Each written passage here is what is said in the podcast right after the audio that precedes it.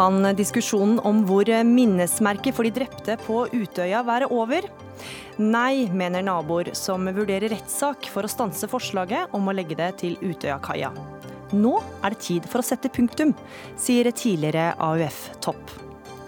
SV prøver å hale ut tida når Stortinget i kveld skal øke sin egen lønn. De skaper bare politikerforakt, mener Høyre. Og Innovasjon Norge bryr seg mer om å kutte i offentlige utgifter enn å stimulere næringslivet, mener forsker, som møter Innovasjon Norge til debatt.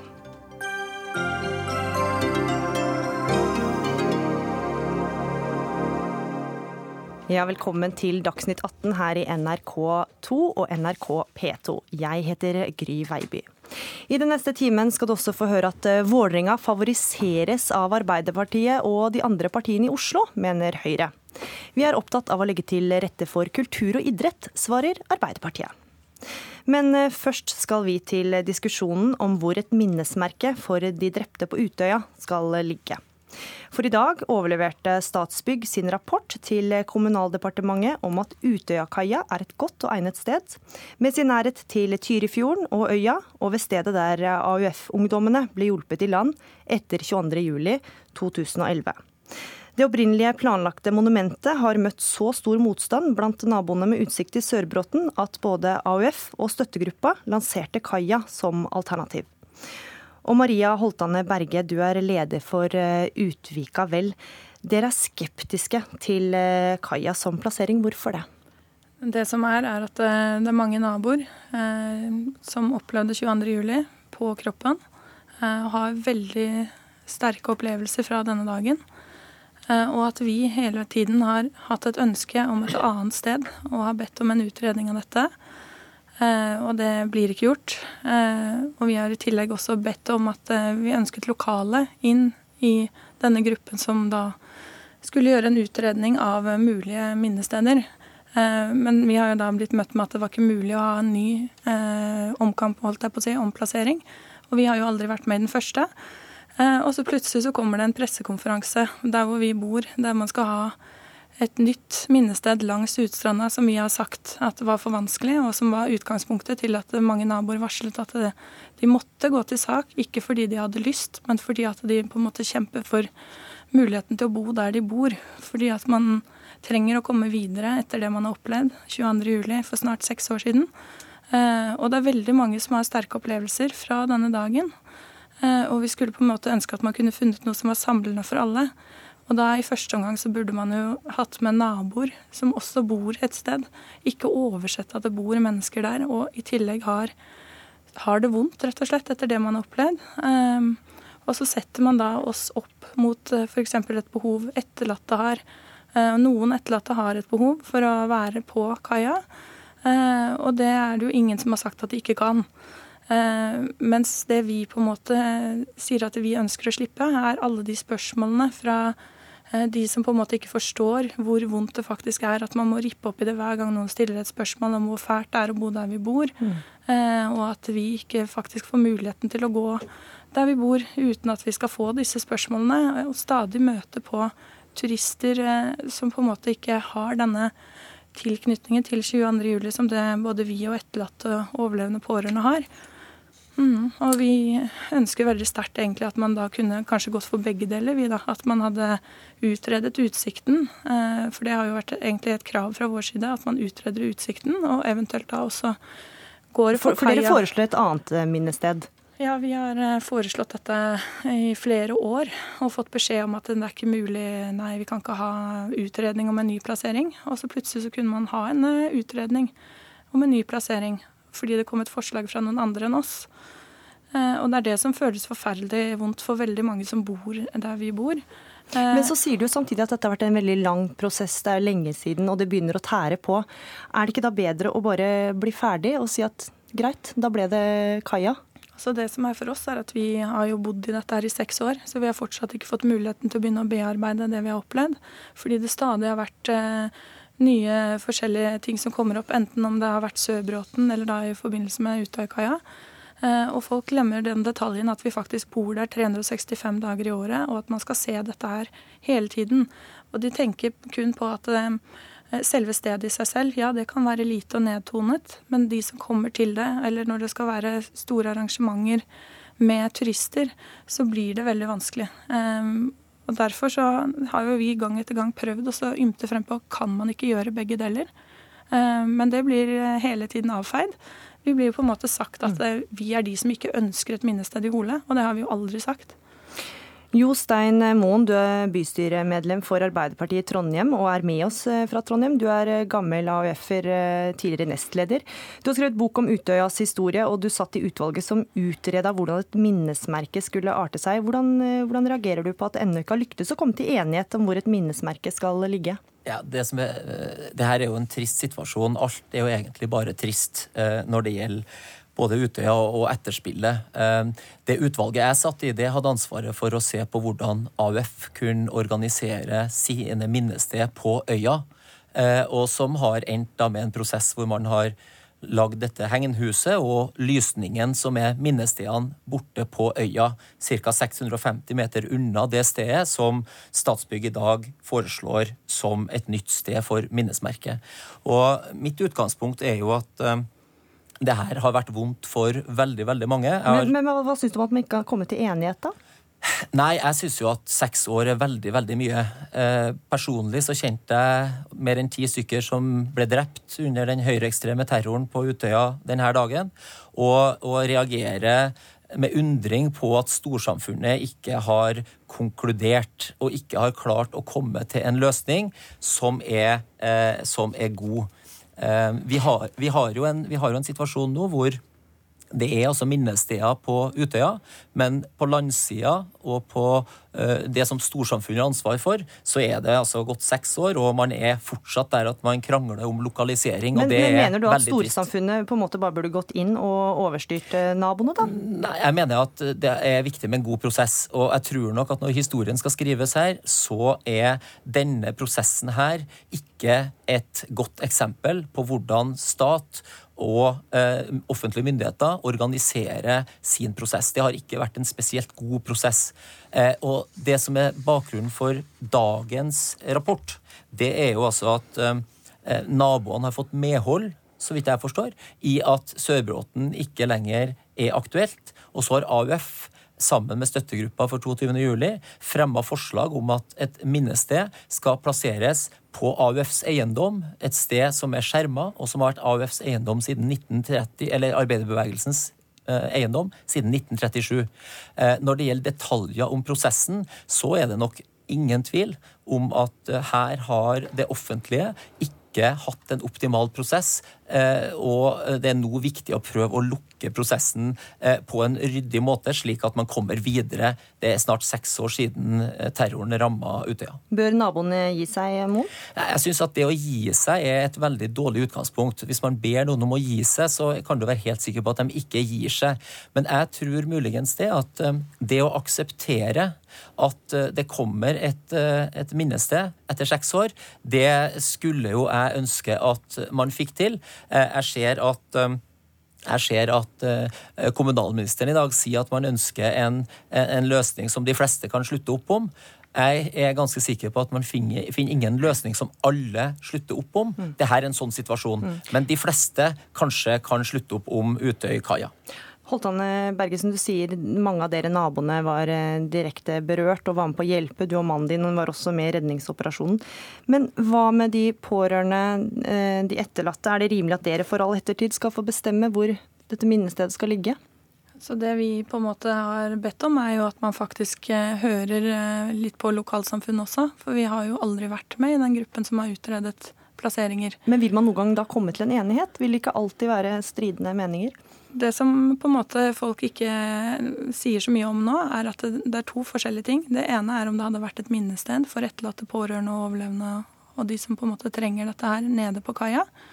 Eh, men at man også kunne hatt et nasjonalt minnested da på Utsikten, som da eh, gjentatte ganger blir referert til som en rasteplass, som vi da om igjen og om igjen må si at nei, det er faktisk flere hundre meter unna, og det er veldig god adkomst både fra hovedveien og nede fra der hvor vi bor.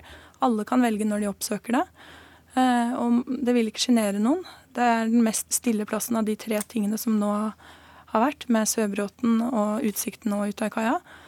Eh, og vi tenker jo med, rett og slett med hjertet at dette kunne vært noe for alle. Vært en diplomatisk løsning der folk på en måte kunne bli fornøyd. Egentlig vi hadde kanskje blitt fornøyd med, med det hvis det, noen hadde hjulpet oss også til å høre på det vi sier om de som stiller disse spørsmålene. For det er ikke de etterlatte og overlevende og pårørende. For de vet veldig godt hva som hendte denne dagen.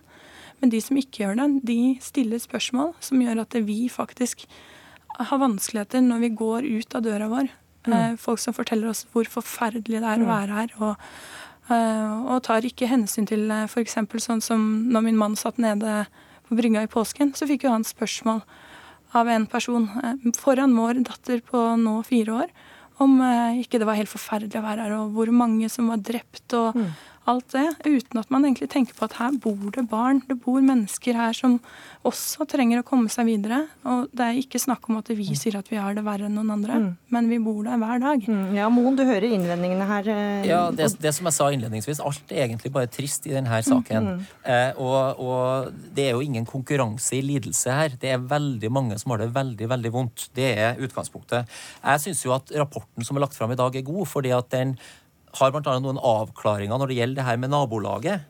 Eh, det er jo slik at Statsbygg har jo gjennomført ikke bare meningsmålinger eller befaringer, infomøter, men de har altså hatt én-til-én-møter med de 15 nærmeste naboene til Utøykaia. Jeg vet ikke om det er normal prosedyre, men for meg så sier det om at noe om at nå har man valgt å ta behovene til nærmiljøet på alvor, og man går altså med én-til-én-møter og samtaler. Men Mener du da at naboene stiller urimelige krav? Nei men, jeg, nei, men jeg vil påpeke at det kommer jo fram i rapporten på mm. side 19 at der står det at helt overordna ser vi at mange i lokalsamfunnet langs Utstranda ønsker et minnested på kaia og er positive til at dette utredes.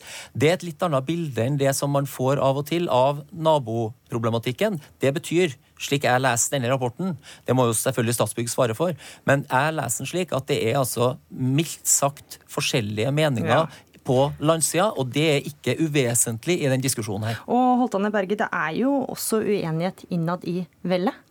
Altså ikke innad i vellet. Det som er forskjellen, er at eh, folk er mer positive til Utøyakaia enn de var til Sørbråten. Mm. Men eh, det som er felles, er at alle skulle ønske at eh, utsikten ble utredet. Jeg har mm. ikke hørt noen som eh, mener noe annet av de som bor hos oss. Men, men dere truet med rettssak også hvis myndighetene hadde gått videre med planene for et minnesmerke på Sørbråten. Det er jo mange som kan mene at dere, dere gjør det litt vanskelig? I forhold til Sørbråten? Mm. Og nå på dette, denne saken? Ja, jeg tror folk på en måte ikke helt har forstått at de som bor der sliter fortsatt, og fortsatt ikke har fått muligheten til å bearbeide det de opplevde 22.07. Og det kan godt hende at det hadde vært et tidsperspektiv som burde vært der. Eh, at man faktisk også da i tillegg hadde tatt med de som bor der, på råd. For det, det som blir referert til med at vi ikke ønsker et minnested i Hole f.eks., det stemmer jo ikke. Eh, og i tillegg så er det jo sånn at vi er ganske mange som eh, står sammen. Vi har jo venner for, som vi vil ha for alltid. Som, mm. er, som er personer vi har reddet fra Utøya. Mm. Eh, og det er det som er viktig. Vi må ta mm. tilbake samholdet. Og da syns jeg faktisk at det, det, hadde vært helt rettferdig at man faktisk også ser på naboens alternativ. Og det er helt tydelig at til og med statsråden ikke vet hvilket alternativ vi snakker om. Fordi han refererer til en minnesten som ble flyttet eh, etter en lang prosess. Men det er fortsatt ikke den plassen vi har snakket om. Og det er det som er viktig. at Hvis man hadde kommet og snakket sammen på en god måte, mm. så hadde man kanskje funnet en god løsning for flesteparten. Og da mener jeg faktisk også de som bor der. Det, det, er, jo, det er, jo, et viktig poeng at fagekspertisen som har vært brukt eh, bl.a. når AUF lagde sitt minnested på, på selve øya, uh, er jo veldig tydelig på det her med nærhet til stedet og nærhet til hendelsene. Og Det er et viktig kriterium for mange, og, og nettopp fjorden er jo her et, et nøkkelpunkt. Mm. Og med all mulig respekt for, for, alternativet oppe i åsen, ganske langt oppe i åsen også, ved motorveien. Eh, jeg vil ikke kalle det en rasteplass, men det er noe langt oppe i åsen. Eh, det kan vi jo være enige om. Eh, det er klart at det er ikke det som var oppgaven til Statsbygg her. Her har Statsbygg fått et oppdrag om å utrede et alternativ som heter Utøyakaia, mm. og de har kommet fram til at med veldig synes jeg, gode argumenter og dokumentasjon at det blir et skånsomt minnested som blir vakkert og verdig. Og jeg ser jo at Aftenposten skriver i dag at nå har AUF strukket seg i denne saken på lederplass og bidratt til å dempe gemyttene. Nå må naboene gjøre det samme. Og jeg syns det er en ganske viktig oppfordring fra Aftenposten på lederplass, mm. og tror at man må prøve å se framover, for nå har det gått seks år, og jeg tror at denne saken fortjener nå en litt annen type prosess. Vi skal ta inn administrerende direktør i Statsbygg, Harald Nikolaisen, og det, det var dere altså som konkluderte med at Utøyakaia er et godt egnet sted for det nasjonale minnesmerket etter terroren. Hvorfor er det det? Ja, Det vi har gjort i dag, er å levere en rapport til kommunal- og moderniseringsministeren hvor vi slår fast at Utøykaia er godt egnet som et nasjonalt minnested. Det er det flere grunner til. Og, og, og, før jeg kommer til det, så vil jeg bare si at vi har hatt en, en prosess med å lage denne rapporten, hvor vi har hatt en medvirkning og spurt hva folk mener i en grad som nok er langt utover vanlig praksis. Vi har snakka med én til én med alle som vil. Eh, de som ikke ønsker å snakke muntlig eller direkte, har fått anledning til å sende mail. Mm. Vi har hatt befaringer, og vi har hatt møte, og vi har virkelig lagt vekt på en god medvirkning. Og vi har blitt tatt det vil jeg si, veldig godt imot. Folk har vært mm. veldig positive. De har vært villige til å diskutere og dele sine synspunkter. Og det vi finner da, er et ganske bredt meningsbilde. Altså Vi finner folk som ikke ønsker å flagge mening som er nøytrale. Vi finner folk som mener at Utøykaia er et godt alternativ. Og vi finner noen som er imot, og som mm. ikke ønsker minnested langs sjøen i, i det hele tatt på Utøystranda. Og det tenker jeg, så, Sånn er det. det. Det må vi respektere. Det som er gjennomgående for alle, tror jeg, er et genuint ønske om å komme videre ja, og få en slutt på denne prosessen. Og hvorfor dette egner seg. Ja. Det er det er flere ting knytta til et godt minnested. Og vi tenker at dette er et minnested, ikke en turistattraksjon det er bl.a. at det må være nærhet til der det hendte, altså der det skjedde. Der er Utøykaia et veldig godt alternativ. Det var der MS Torbjørn ligger. Det var der ungdommene reiste ut. Det var der de kom inn, og det var der også de som hjalp og de frivillige. Mange var i området og jobba der. Så det er et veldig godt kriterium for at det skal bli et godt minnested og et verdig minnested. Så er det også nært vannet det framhever også som veldig viktig av de ekspertene som vi har støtta oss på. Og I tillegg så er det der mulig å lage et verdig og, og litt skjerma sted, hvor det er mulig å få være i fred med sorg og refleksjon for de som trenger det, og hvor det er mulig å være flere til stede på en gang. Så det er flere gode grunner til at det egner seg som et sted. Vil du si at de naboene som, som bor rundt er, er tilstrekkelig skjermet da, for å se det hver dag? Jeg tror at det er, det er et spørsmål hvor, hvor, det er mer snakk om følelse og hvordan det oppfattes hos den enkelte enn kanskje fag. Slik at det er vanskelig å, å ha en sånn rasjonell vurdering av når folk opplever at, at uh, dette kommer for tett på de rent personlig, så er jo det den følelsen de har. Og det må en jo på en måte respektere. Men det er vår oppfatning at på Utøykaia er det mulig å lage noe som er verdig, og som gir god rom for uh, det et slikt nasjonalt minnested skal være, uten at det på en måte er uh, påtrengende og, og, og synlig. Hvor mye har denne utredningen kosta, vet du det? Ja, den har kosta i størrelsesorden to millioner eh, gjennom tre og en halv hektiske måneder. Men det er klart at de største omkostningene her, det er jo de personlige omkostningene mm. til de som venter på en avklaring. Mm. Og eh, kommunalminister Jan Tore Sanner sier han vil avgjøre før sommerferien om eh, Utøyakaia blir nasjonalt minnested. Takk for at dere var med i Dagsnytt 18. Maria Holtane Berge fra Utvika Vel, Jo Stein Moen, bystyremedlem i Arbeiderpartiet i Trondheim, og Harald Nikolaisen fra Statsbygg.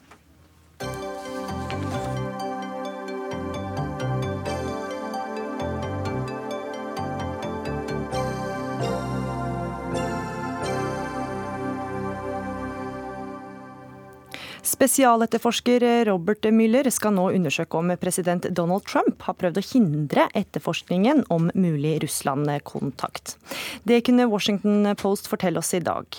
Den tidligere FBI-sjefen ble i forrige måned utnevnt til å undersøke om Russland påvirket presidentvalget i fjor. Og Tove Bjørgaas, du er korrespondent her i NRK. Forrige uke sa Trump at han følte seg totalt frifunnet for disse anklagene. Hva, hva betyr dette for han? Det er klart at dette er veldig dårlige nyheter for Donald Trump. Eh, viktig å understreke at det nok en gang kommer fra anonyme kilder eh, Washington Post har snakket med.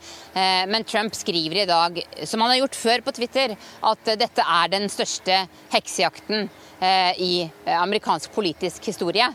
Og det viser vel litt om hva han, han tenker om, om, dette nå. Og Nok en gang så kommer det, kommer det fra en av store, de store avisene, Washington Post, som melder dette basert på anonyme kilder. Hvorfor kommer disse avsløringene i disse mediene? Det er jo nesten slik at eh, Washington Post, New York Times, kanskje CNN til en viss grad er blitt eh, Donald Trumps opposisjonsparti.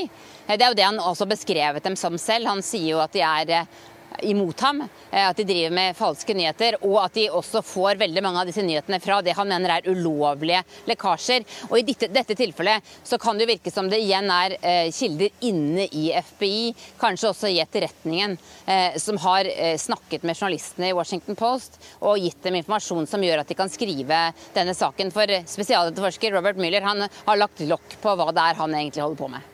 Hva, hva, blir konsekvensen da, dersom det skulle vise seg at Trump eh, faktisk har gjort noe ulovlig? Det ville ikke være så veldig overraskende eh, om man har lyst til å etterforske nå om Trump har blandet seg inn i en pågående etterforskning, etter at han altså sparket sjefen for FBI eh, og sa at han gjorde det fordi han syns at han holdt på for mye med denne Russlandsetterforskningen. Eh, men dersom Müller skulle finne at Trump faktisk har forstyrret en etterforskning, eh, så er det også uklart hvilken myndighet han har til å gjøre noe med det. Eh, en spesialetterforsker som ham, utnevnt av Justisdepartementet, kan egentlig ikke stille en president for retten.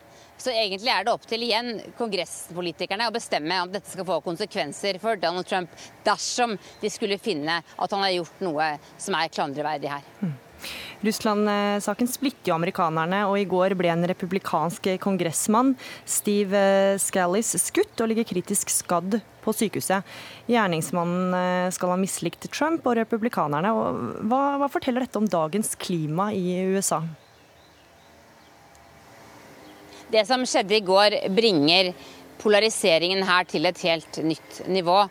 På, eh, I konservative medier er det mange som det siste døgnet har uttrykt frustrasjon over hvor hard retorikken er blitt mot Trump på demokratisk side. Hvordan alt fra politikere til eh, komikere på kveldstid på TV her, kulturlivet, eh, framstiller Trump som noe veldig veldig negativt. En ting de har pekt på er et teaterstykke som hadde premiere i New York på mandag, eh, der eh, Shakespeare-karakteren Julius Cæsar er byttet ut med en som ligner veldig på Trump, og der han altså blir drept med kniv hver eneste kveld og kritikerne roser dette stykket. Eh, det er en viss selvransakelse her nå også på demokratisk side. Mannen som skjøt i går, han hadde jobbet frivillig for Bernie Sanders. Han hadde skrevet mye negativt om Trump på sin Facebook-side. Eh, men altså, det er klart at frustrasjonen er så sterk i deler av dette samfunnet nå, og man skal heller ikke undervurdere eh, hvordan folk føler at eh, livene deres er påvirket både av Donald Trump og av f.eks. vanskelige økonomiske tider for mange. Slik at man må kanskje tenke litt på hva man sier og hva det kan føre til. At man bruker en, såpass kritisk retorikk mot en sittende administrasjon. Hmm. Tove Bjørgaas, korrespondent her i NRK, takk for at du var med i Dagsnytt 18.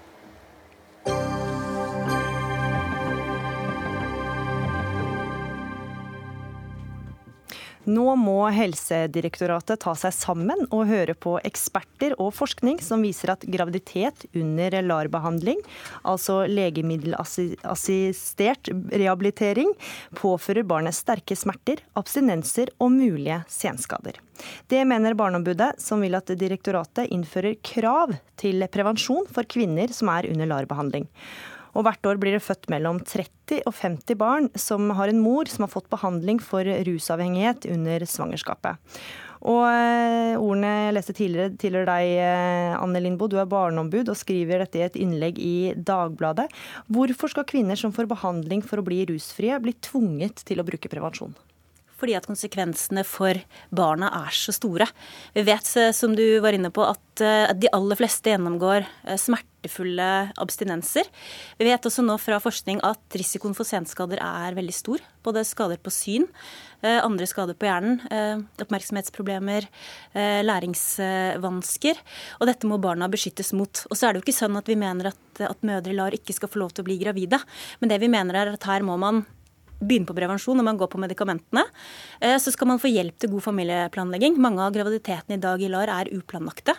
Eh, så man må få hjelp, god hjelp og støtte til å trappe ned før graviditeten. Kan man være uten akkurat når man er gravid, og, så kan man heller gå på medisinen igjen etterpå. Og Det mener vi vil gi barna en kjempegod og babyen en mye bedre start på, på livet. Også hjelpe mødrene i forhold til at eh, at de får barn som da fødes eh, friske. Men det er altså krav til prevensjon. Hvordan, hvordan konkret skal dette foregå? Skal da, skal da, noen overvåke at disse kvinnene tar en pille da, mens de får uh, LAR-behandlingen, eller hvordan skal det foregå konkret? Det kan jo foregå på den måten at, mm. uh, at du får en B-sprøyte f.eks. At du får en, en resept på dette her samtidig som du får resept på, på, medikamenter. Og det er jo ikke sånn Men man kan jo ikke sørge for at de vet jo ikke om man tar, tar pilla for det? Nei, det er klart at, at, Teoretisk sett så kan du jo la være, selvfølgelig. Men det er jo ikke sånn at dette er unikt. Det finnes jo en god del andre, eh, eller andre medikamenter der det faktisk også foreligger krav om prevensjon. der du må ta graviditetstest, f.eks. Eh, en del A-vitaminpreparater. Eh, og så er det også sånn at, at, ved en god del andre medikamenter så er man veldig tydelig i forhold til å fraråde graviditet, og man har veldig fokus på å trappe ned og komme av så mye som mulig medikamentene i forkant av graviditet for å beskytte barnet. Mm. Gitte Hus, du er avdelingsdirektør i Helsedirektoratet. Hvorfor eh, har dere ikke krav til prevensjon til kvinner som får LAR-behandling?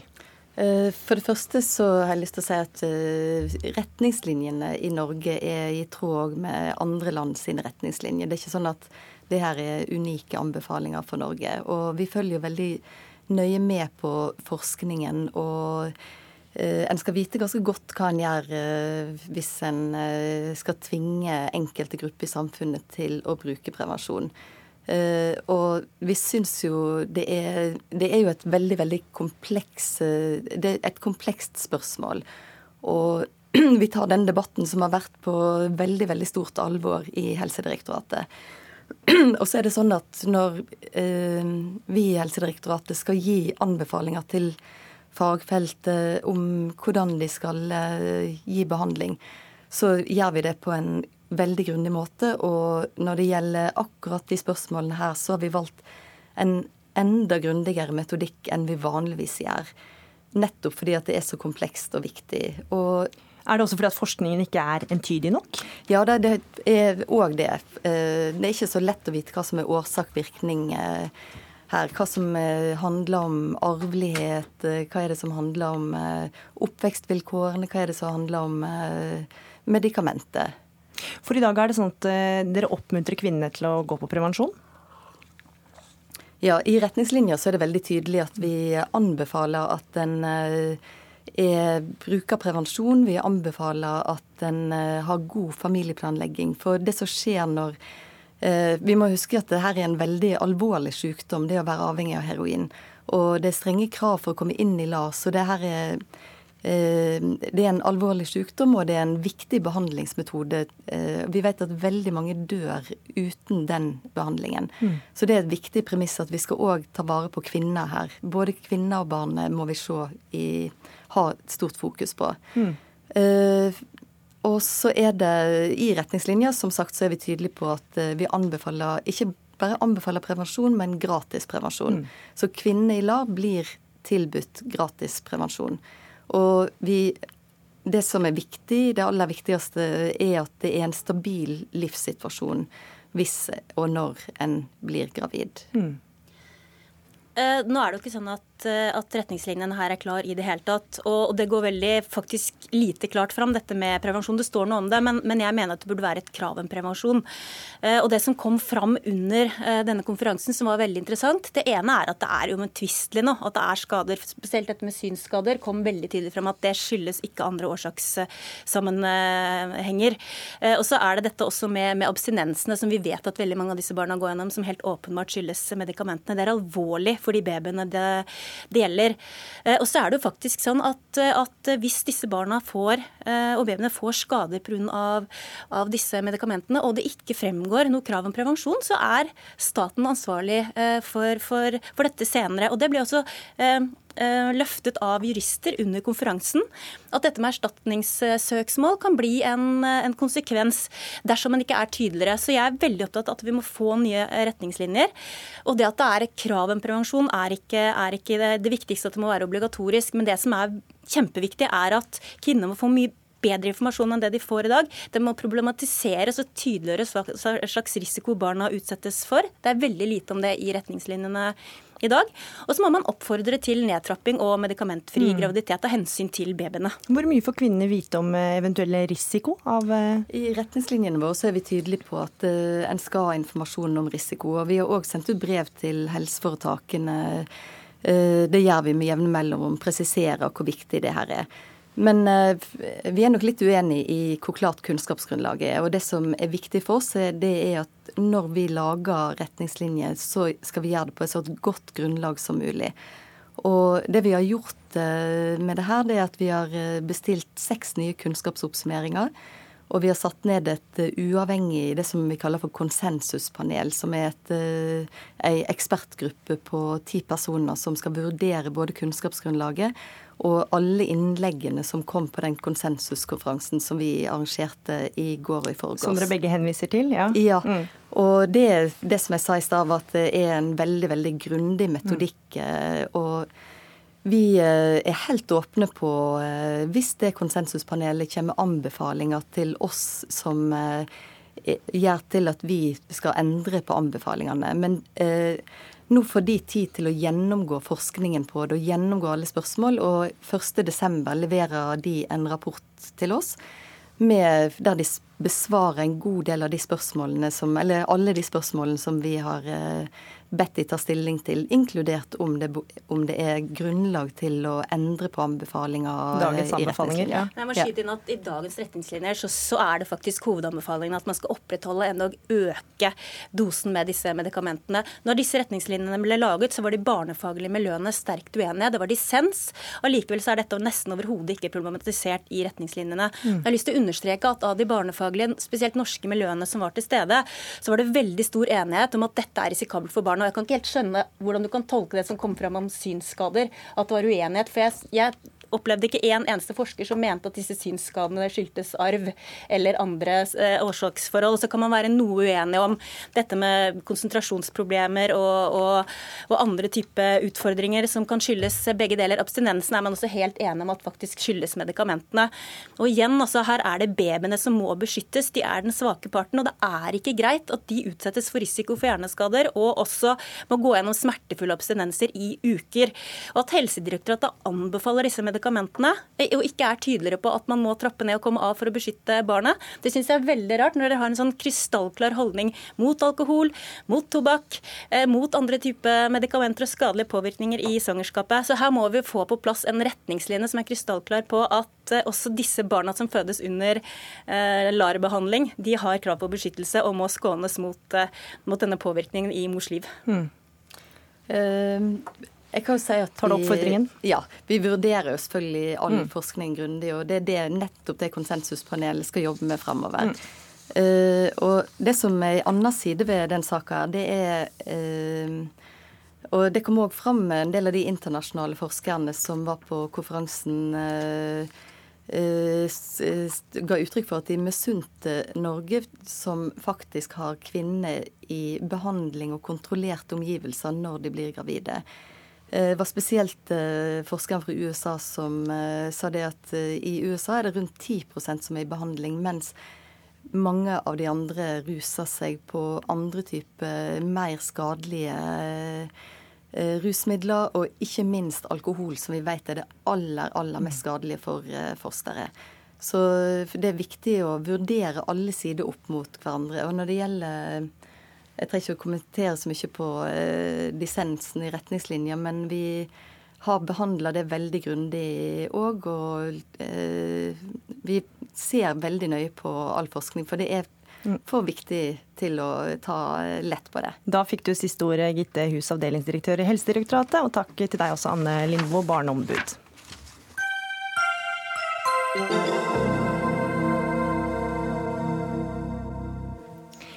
Innovasjon Norge, som skal øke innovasjon og utvikle næringsliv i hele landet, bryter sin egen visjon og burde konsentrere seg om å stimulere til vekst til bedrifter i privat sektor, i stedet for å bry seg om å redusere utgiftene i offentlig sektor.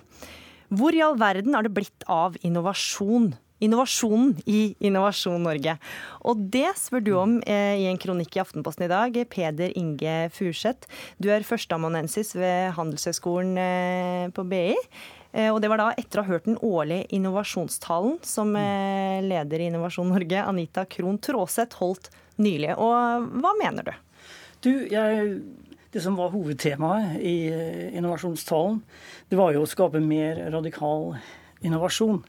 Hva betyr det? I offentlig sektor. Det ja. betyr å lage veldig omfattende endringer, omfattende innovasjoner. Snu ting på hodet er en måte å illustrere det på. Uh, og Det har to ting å si til det å skape mer radikal innovasjon i offentlig sektor. Det ene er at det er svært vanskelig. Jeg tviler dessverre på om det går. Å snu og, ting på hodet i offentlig sektor? Ja, ja. det tviler jeg på. Uh, det vil iallfall ta veldig lang tid. Mm. Eh, og for det andre så syns jeg det bryter med den fine visjonen som Innovasjon Norge har, som er å gi lokale ideer, globale muligheter. Så istedenfor å bry seg så mye om det offentlige, så burde du bry seg mer om innovasjon? Iallfall et samarbeid, et mm. godt samarbeid, og mer om innovasjon. Mm. Mona Skaret, du er direktør i Innovasjon Norge. Hvorfor eh, bruker dere så mye tid på å snakke om eh, å kutte og effektivisere offentlig sektor?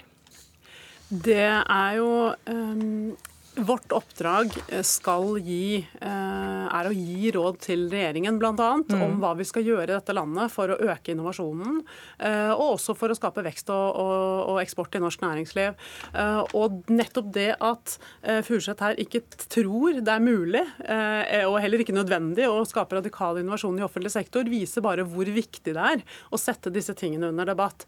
Vi jobber med norsk næringsliv hver eneste dag, som prøver å lage løsninger. For mange av disse disse så er offentlig sektor en viktig premissgiver og en viktig kunde. Så de er avhengig av offentlig sektor for de, å kunne drive med innovasjon? Veldig mange av disse løsningene, mm. enten det er å løse eldreutfordringen vår med, med, mer effektivt, eller det er å lage bygg som produserer energi, eller det er å lage transportløsninger som er mer miljøvennlige, så er de avhengige av at det offentlige etterspør mer av disse løsningene. For de trenger et godt hjemmemarked.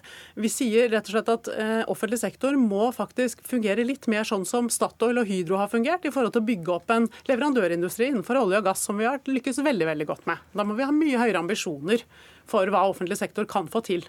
Ja, Furseth, Ser du at de to tingene kan henge litt sammen? Ja da, de må absolutt eh, ha større ambisjoner for offentlig sektor. Jeg syns det er godt uttrykt når du sier at det skal være mer som Statoil og lignende. Eh, spørsmålet er hvordan eh, dere har tenkt å gjøre dette? Det vi har pekt på, eh, og vi er jo en del av offentlig sektor selv, så vi kjenner veldig godt på hvordan det er å prøve å snu på steiner i offentlig sektor. Mm. Eh, den digitaliseringen som vi står foran nå, hvis vi f.eks. Eh, hvis vi ser på Sunnaas sykehus, da. Eh, de behandler nå eh, trykksår. Det er sånn man får når man har vært en ungdom som har vært i en trafikkskade f.eks. Så får man liggesår. Og Tidligere så ble det behandlet i ukevis på sykehus. Veldig kostbart, veldig ubehagelig for pasienten. Nå gjør de dette hjemme. Eh, og så bruker de istedenfor sykepleiere på et sykehus, så bruker de hjemmesykepleie og, og, veileder dem i forhold til denne behandlingen. Det er veldig mye bedre for pasienten, og det er veldig mye billigere. Og det er ganske radikalt i den forstand at man endrer på hvem som gjør hva, hvem som har ansvar for hva. Og det å få til disse innovasjonene Vi er jo mye mer optimistiske. Vi ser at dette skjer, mm. men det skjer i for liten grad. Så vi trenger å gjøre det mye mer. Vi trenger å skalere det, sånn at mange flere gjør som Sunnaas. Det er jo da innovasjon i Innovasjon Norge, eller hva? Ja, det er det. Eh, det som jeg skrev om i den artikkelen, er at å legge sånn stor vekt på radikal innovasjon i offentlig I det mm. Det er svært utfordrende og vanskelig. Jeg skulle ønske det gikk, men altså Men hvorfor er det så vanskelig? Jo, det er fordi at det er stor treghet. Byråkratisk I, i, i offentlig sektor. I den såkalte strukturell treghet og, og kulturell treghet. At det er stive, store strukturer som er bygd opp av veldig kompetente folk. og Det er ikke det. Og, og kulturen er, er veldig stiv i den forstand at det er vanskelig å få til endring. Men hva burde Innovasjon Norge gjøre istedenfor, da? Burde vi ikke bry seg om det offentlige på den måten de gjør i dag? De kunne f.eks. istedenfor å spørre om hva skal vi leve av etter oljen, kunne du spørre hvordan skal vi skape innovasjon etter oljen. Det er et stikkord om tjenesteinnovasjon som jeg savner i det de skriver om her i innovasjonstalen og i Drømmeluftsrapporten 2017 så langt. Og det, det er rett og slett logikken bak nye forretningsmodeller som jeg etterlyser. Dette er jo det er interessant. Eh, når vi sier at eh, vi ser Nesten alle de ideene vi jobber med i Innovasjon Norge hver eneste dag, handler i veldig stor grad om tjenesteinnovasjon. Eh, og, og La meg bare si hva det er for noen ting. da.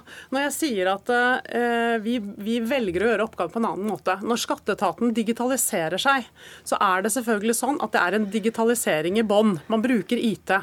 Men den vanskelige delen av den prosessen, det er at skatteetaten må begynne å gjøre helt andre ting enn det de gjorde før. De ansatte må ha en helt annen kompetanse. De må nødt til å ha en helt annen eh, behandling av sine kunder, altså en helt annen tjenestereise, enn det de hadde før. Eh, og når, når skatteetaten bruker 20 år på det, så går det helt fint an å få til en så stor transformasjon. Men la oss si at du innfører roboter i byggesaksbehandlingen i kommunen, som kan håndtere 80% av sakene og du gjør det fra en dag til en annen. Da trenger vi virkelig modige ledere. Da trenger vi et godt trepartssamarbeid som ivaretar og har gode prosesser med de ansatte, slik at ikke vi, de ansatte har muligheten til å få til omskolering til andre jobber, andre næringer som vokser, og at ikke, at ikke det blir en tapt ressurs for samfunnet. For det har vi rett og slett ikke råd til. Men, og det, det er et samspill mellom offentlig og privat. Digitaliseringsprosjekter i offentlig sektor i dag, veldig, veldig mange av dem, nesten alle, har et samarbeid mellom offentlig og privat allerede. Men det er den organisatoriske delen. og Vi velger å kalle det organisatorisk innovasjon. Det er for å bruke et litt enklere begrep, som kanskje folk eh, skjønner bedre. Men det er klart at det er masse tjenesteinnovasjon i det. Eh, Så jeg, jeg skjønner ikke helt hva det er du savner. Eh, I hvert fall så har vi nå jobbet med det i ti år i Innovasjon Norge med våre kunder. Du får svare på det, da. Du, ja, jeg jeg, jeg syns eh, at Innovasjon Norge prøver å gjøre en veldig komplisert og interessant del om radikal innovasjon veldig enkelt. Jeg, jeg tror at uh, Norge og offentlig sektor også står overfor enorme utfordringer. Uh, ingen, ingen tvil. Uh, men, men det begrepet om radikal innovasjon som da dere har landa på, det er veldig komplisert å få til. Hadde de bare snakket mer moderat om innovasjon, så hadde det vært mer fornuftig. Norge skal bli et foregangsland innen innovasjon. Vi ligger under snittet på EU. Men er det ikke bra med ambisjoner, da? Jo, men hva hjelper det, da? eh, Hvis det ikke blir noe resultat av det? Det har jo ikke blitt noe bedre i forhold til EUs indeks for Norge de siste fem årene. Det har jo gått nedover. I 2011 til 2013 gikk det nedover, så har det vært stabilt fra 2013 til nå. Så øh, jeg syns vi skal dempe litt den der altså Gjerne ambisjonen, men kan vi, hva skal vi faktisk gjøre mer ut etter handlingen her? Mer konkret? Ja. Men helt konkret, da. Hvis vi skal offentlig sektor, vi skal levere på bærekraftsmål. FN har satt veldig ambisiøse mål for klimautslipp, for å håndtere urbanisering og integrasjon. Offentlig sektor sitter på alle sider av bordet av de utfordringene. Hvordan skal vi få til det uten at offentlig sektor er mye mer med i økosystemene? Og jeg er helt uenig med deg i at off norsk offentlig sektor har dårlige forutsetninger for dette. De har kjempegode forutsetninger. Vi er nummer tre i digitalisering av offentlig sektor i Europa. Eh, Vi er også ganske gode på høyt utdanna mennesker, og vi er flinke til småskriseinnovasjon. Men vi er ikke flinke til de radikale innovasjonene, og det er det vi må lære oss nå. Og nettopp det at du tror at det ikke er mulig, det gjør det så viktig at vi får opp denne debatten. Ja, men Så bra! Takk for at dere kom til Dagsnytt 18. Peder Inge Furseth, førsteamanuensis ved Handelshøyskolen på BI, og Mona Skaret, direktør i Innovasjon Norge.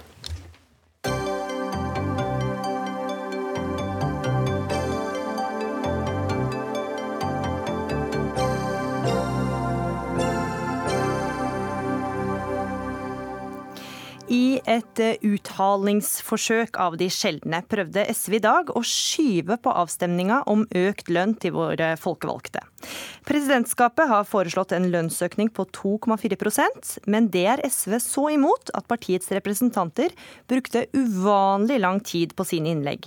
Så mye somlet SV at settepresidenten måtte be partiet om å respektere Stortingets forretningsorden. Og Snorre Valen, du er stortingsrepresentant og nestleder i SV med oss fra Stortinget. Hva var det dere snakka om så lenge? Ja, altså Vi brukte jo ikke mer tid i dag enn det som ville vært vanlig på å ha en ordentlig debatt i Stortinget om lønnsutviklinga i samfunnet. Eh, og jeg synes Det er ganske interessant at i løpet av dagen i dag så virka mange på Stortinget nesten fornærma over at vi ville diskutere Stortingets lønnsvekst i lys av andre gruppers inntekt i Norge. Eh, det er viktig at Stortinget ikke hekter seg av eh, inntekta til vanlige folk. Det er vanlige folk vi representerer på Stortinget, og da må den tradisjonen med at Stortingets egen lønn skal liksom bankes gjennom i stillhet, den må faktisk ta slutt. Det er ikke sunt. Mm. Nils Åge Jegstad, du er stortingsrepresentant for eh, Høyre. Og eh, etter det dere skal stemme over i dag, vil du og resten av dine folk tjene 928 602 kroner. Hvorfor skal dere stortingsrepresentanter ha så godt betalt? Ja, Det er jo en, eh, en tradisjon. Altså, man får jo litt etter den ansvaret man påtar seg når man påtar seg et verv. Men jeg syns ikke det var det som var dette saken i dag. Det var jo egentlig en en uttalingstaktikk. Altså som brukte 30 minutters innlegg til å snakke om alt annet enn dette. Normalt så ville dette vært, kunne vært behandla på en vanlig måte, hvor man har vanlig taletid og man, alle partiene er klare til å ta ordet. Eh, og Da hadde det ikke vært noe problem. Det som er En annen ting er at Man snakker her om at de får 21 000 kroner mer i, i lønn, men det er jo brutto. så vi, vi, har jo også den samme reduksjonen i kjøpekraft som andre, eh, andre, kjøp, andre brukere eller lønnstakere. ved at lønnsvekst eller inflasjonen er 3,6% så vi har jo faktisk en nedgang i reallønna vi også. Vi følger opp 2,4 er jo gjennomsnittet for landet, og da syns jeg det er en rimelig ting. Og dette dessuten så er dette utredet av en uavhengig kommisjon, og sånn at vi ikke skal sitte der og vedta våre eh, lønninger. og Hvis vi først har en kommisjon, så syns jeg det er naturlig at vi følger opp det den foreslår. For det må jo anses som nokså også objektivt, egentlig. Ja, Valen, eh, uttalingstaktikken din til side. Altså Lønnsøkningen Stortinget vedtar eh, i kveld er 2,4 i økning, og er på linje med lønnsoppgjøret i statlig, kommunal og privat sektor. Da må det vel være greit at dere får litt mer, dere også? Vel, altså Grunnleggende prosentregning tilsier at hvis jeg får 2,4% lønnsøkning, så har det ganske mye mer å si kroner og øre enn for en vanlig norsk lønnsmottaker. Og Det var det vi snakka om i dag. Vi snakka ikke om alt mulig annet. Vi snakka om at Stortinget, som ikke engang gidda å behandle trygdeoppgjøret i år, der en gjennomsnittlig norsk pensjonist får 2066 kroner i tillegg, det samme Stortinget vil uten debatt vedta en kraftig lønnsøkning til seg sjøl. I løpet av den tida jeg har sittet på Stortinget, så har stortingslønna økt med mer enn 200 000 000 kroner. Bare i denne perioden så har den økt med 92 000 kroner. Det er en hel norsk G, altså folketrygdas grunnbeløp. Mm. Og Hvis andre partier ville ta ordet, så var det jo nettopp det også vi ville oppnå. Men ingen partier ønska å forklare at de støtta sin egen lønnsøkning. Så er ikke denne kommisjonen som har innstilt på Stortingets godtgjørelse uavhengig, sånn uhilda. De har gjort en politisk vurdering av hva de mener er en riktig økning. Og de skriver sjøl i innstillinga si til presidentskapet på Stortinget at de egentlig egentlig mener at stortingslønningene burde vært mye høyere. Eh, men at pga. lønnsutviklinga i samfunnet i år, så bør man være mer moderat. Og Derfor ønsker vi en debatt om det egentlig er så moderat å øke sin egen lønn med over 90 000 kroner på, på fire år. Og det syns ikke vi i SV. Jegstad? Ja, det som man Lønnskommisjonen har tatt opp, det er, jo, det er jo det at vår statsminister tjener langt mindre enn noen av de viktige andre aktørene i samfunnet. Så Det er jo noe som har vært en, noe man har tatt opp stadig vekk, at det er urimelig. Og så har man sagt at det kan vi ikke ta nå, det kan få man ta på et tidspunkt hvor det er, er mer vekst i, i, økonomien. Akkurat nå så tar vi altså et veldig moderat oppgjør i Stortinget, og jeg syns faktisk at det er også eh, fremheve at vi tjener det og det, det, er, det, er, kan godt mene det. og Jeg, har all respekt for SV at hver gang vi skal heve lønningene våre, så, så er de imot. men men flertallet i Stortinget mener at, faktisk at det skal være en moderat eh, lønnsvekst, og at man ikke skal få sånne eh, situasjoner som man ofte har i andre sammenhenger, hvor man plutselig ser at lønna har sakka så mye at vi må ta et skikkelig jazz hvert eh, femte år eller tiende år. Det, det, må vi bort fra. Her er det en moderat vekst hvert år, og det ivaretar de eh, representantene som er der. Så tror jeg mange representanter syns at det veldig går bra nok. Det er ikke det, men det, er, det har noe med den posisjonen man har, og hvordan lønn også er med på å, å skape et, en viss respekt for det man faktisk driver med, at man blir verdsatt. Men eh, Jegstad, Stortinget behandlet ikke årets eh, trygdeoppgjør, men nå tar dere tid til å behandle egen lønn. Dere, er du enig med SV at det kan se litt dårlig ja, ut utenfra? Det, vi, vi, er jo dessverre nødt til å behandle vår egen lønn. Da. Det er, altså, det er vi som vi er jo øverste myndighet. Trygdeoppgjøret blir jo løst på en annen måte. og dette er jo tråd med, Der har du på en måte en, eh, en, trygde, en, en, en enighet som for noen år siden, hvor man gjennomfører det trygdeoppgjøret som man skal ha. Og det, det takker jeg stilling til. Men i hvert fall så var det vi. Det er Stortinget, det er ikke andre enn Stortinget som skal vedta vår lønn. Det er, det er i syvende og sist. Men vi har brukt en lønnskommisjon for ikke å gjøre dette ensidig. Vi er nødt til å ha en objektivt grunnlag, og det mener jeg vi har fått. Eh, og det, det synes jeg var litt eh, For meg så, så dette, var dette nokså respektløst, ikke minst for våre som som faktisk hadde andre saker vi også skulle behandle. Og vi jobber nå til langt på natt hver kveld. Vi, I dag så eh, ble det økt med kanskje halvannen time eh, før vi får slutta i natt. og Det, det syns jeg var respektløst. Man kunne ha tatt dette på en annen måte. Man kunne sagt at man ville ønske en skikkelig debatt, og så ville man sikkert fått taletidsordning som gjorde at alle kunne vært til stede. Vi som satt der, var jo transportkomiteens medlemmer ikke president.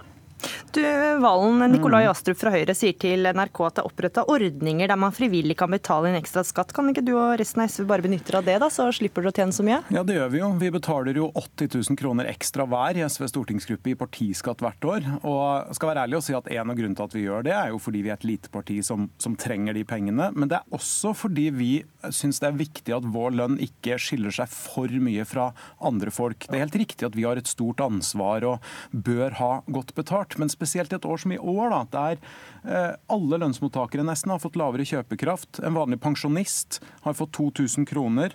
En pensjonist med 180 000 kroner i inntekt har tapt 10 000 kroner de siste åra.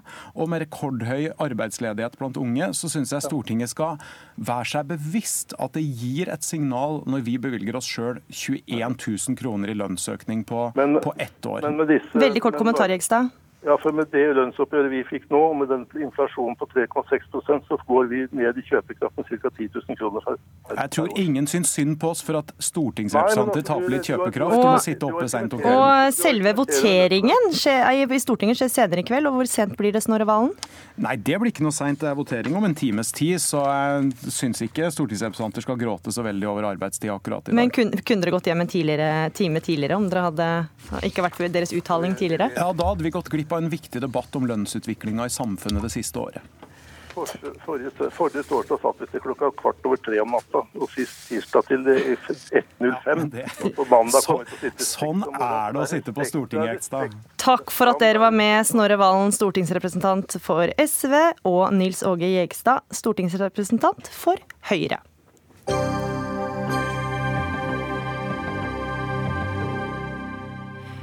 Først fikk idrettslaget Vålerenga kjøpe tomt av Oslo kommune for én krone.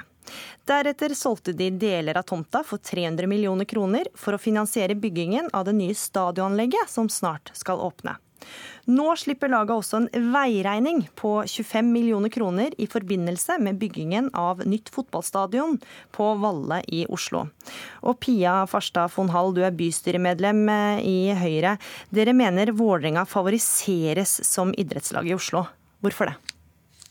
Ja, først av alt så har jeg lyst til å si at uh, Vålerenga idrettsforening gjør en kjempejobb for barn og unge i uh, Oslo. Så det er ikke det vi diskuterer her nå. Diskuterer Men at ett idrettslag får mye mer penger enn andre, at, eller? Ja, og Arbeiderpartiet har vært villig til å favorisere Vålerenga i flere runder, og det syns vi blir feil.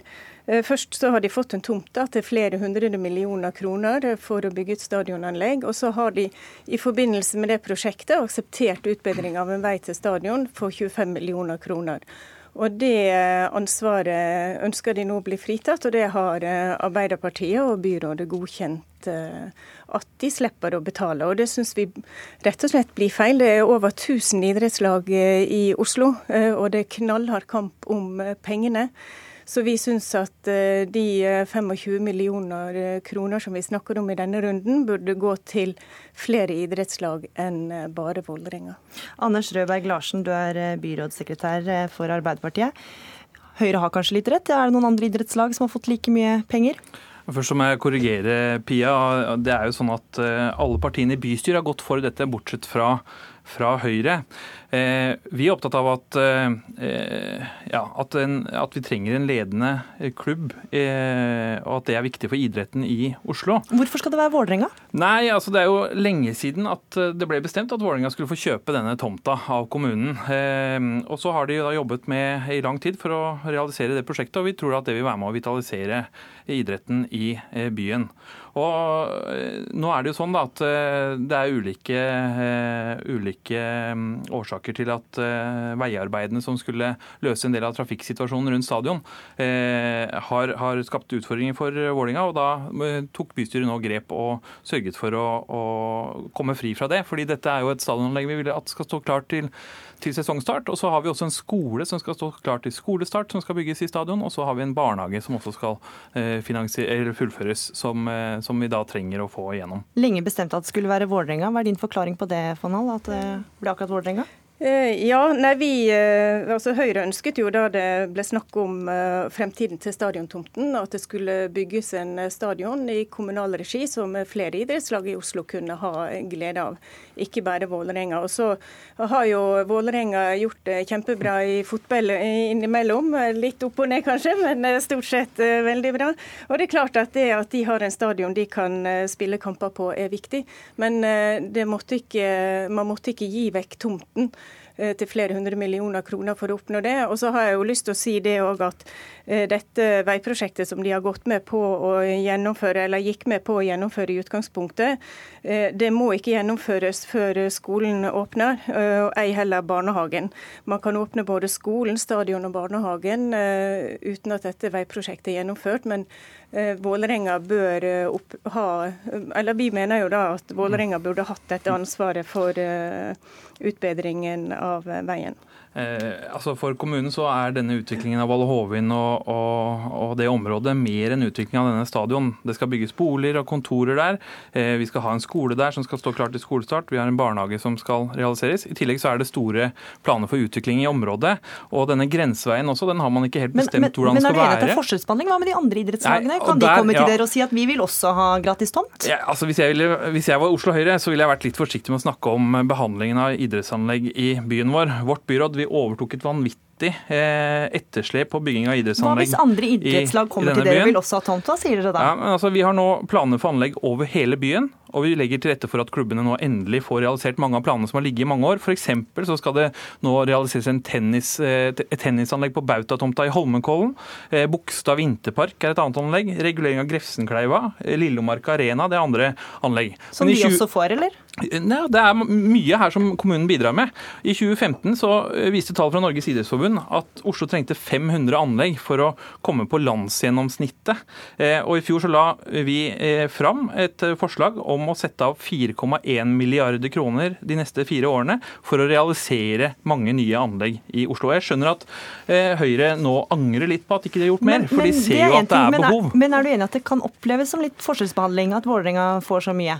Nei, fordi vi gjør så mye annet for andre idrettslag også. Altså, Vi skal bygge idrettsanlegg for 4,1 milliarder. Det er utenom dette anlegget som nå realiseres på Vålerenga. Så alle får like mye? Nei, det er anlegg spredt over hele byen. Breddeidretten skal få veldig mye. Dette anlegget på, til Vålerenga det skal jo også være et anlegg for breddeidretten. Eh, og for oss så er det for så vidt Så stor satsing på idretten er det du sier? At... Ja, det er jo kjempesatsing. Og det har jo også idretten i Oslo skrytt av. At dette byrådet de vil jo noe annet med idretten enn det det forrige byrådet ville. Ja, altså, for jeg har lyst til å legge til her at eh, fordi Når vi snakker om Vålerenga stadion, så er jo det altså fagetatene i Oslo kommune veldig tydelige på at Vålerenga bør opprettholde sitt Eh, ansvar. Og det er ikke noen endringer i planer som tilsier at man bør frita Vålerenga for det ansvaret de har. Si. Og Det samme så sier bydel Gamle Oslo det, og bydel Grünerløkka. Og her er det masse ihuga Vålerenga-fans som også sier at man faktisk må ta noe ansvar for egen virksomhet. Så de tjener masse penger på det prosjektet de skal gjennomføre. I tillegg så har de bedt nå om å få omregulert et friareal som, de skal, eh, som Finansavisen mener de tjener 100, 100 millioner kroner på. Og det, det blir så urimelig. Og så vil jeg jo si det også at Høyre har faktisk gjennomført masse prosjekter. Jeg har en lang liste her. Jeg kan. Eh, lang kan eh, ramse opp i forhold til prosjekter som man har fått realisert eh, med Høyre i byråd. Så det er gjort mye for idretten gjennom mange år. Men vi syns ikke det er riktig at Vålerenga hele tiden skal eh, er- favoriseres. er- Det er en grov eh, forskjellsbehandling inn mot de andre idrettslagene i byen vår. Alt, alt er greit, men jeg syns det er litt pussig at Høyre er så selvtilfredse når, når vi har det store etterslepet vi har. Nå skal vi realisere mange nye idrettsanlegg. Vi skal bygge 13 nye du fire nye allerede sagt. kunstgressbaner, tre Anders bade- og svømmeanlegg. Rødberg Veldig Larsen, byrådssekretær i Arbeiderpartiet, Pia Farstad von Hall, bystyremedlem i Høyre. Takk for at dere var med i Dagsnytt 18, som er f slutt. Ansvarlig for eh, sendinga var Dag Dørum. Det tekniske ansvaret hadde Finn Lie. Og her i studio var Gry Veiby, som takker for følget.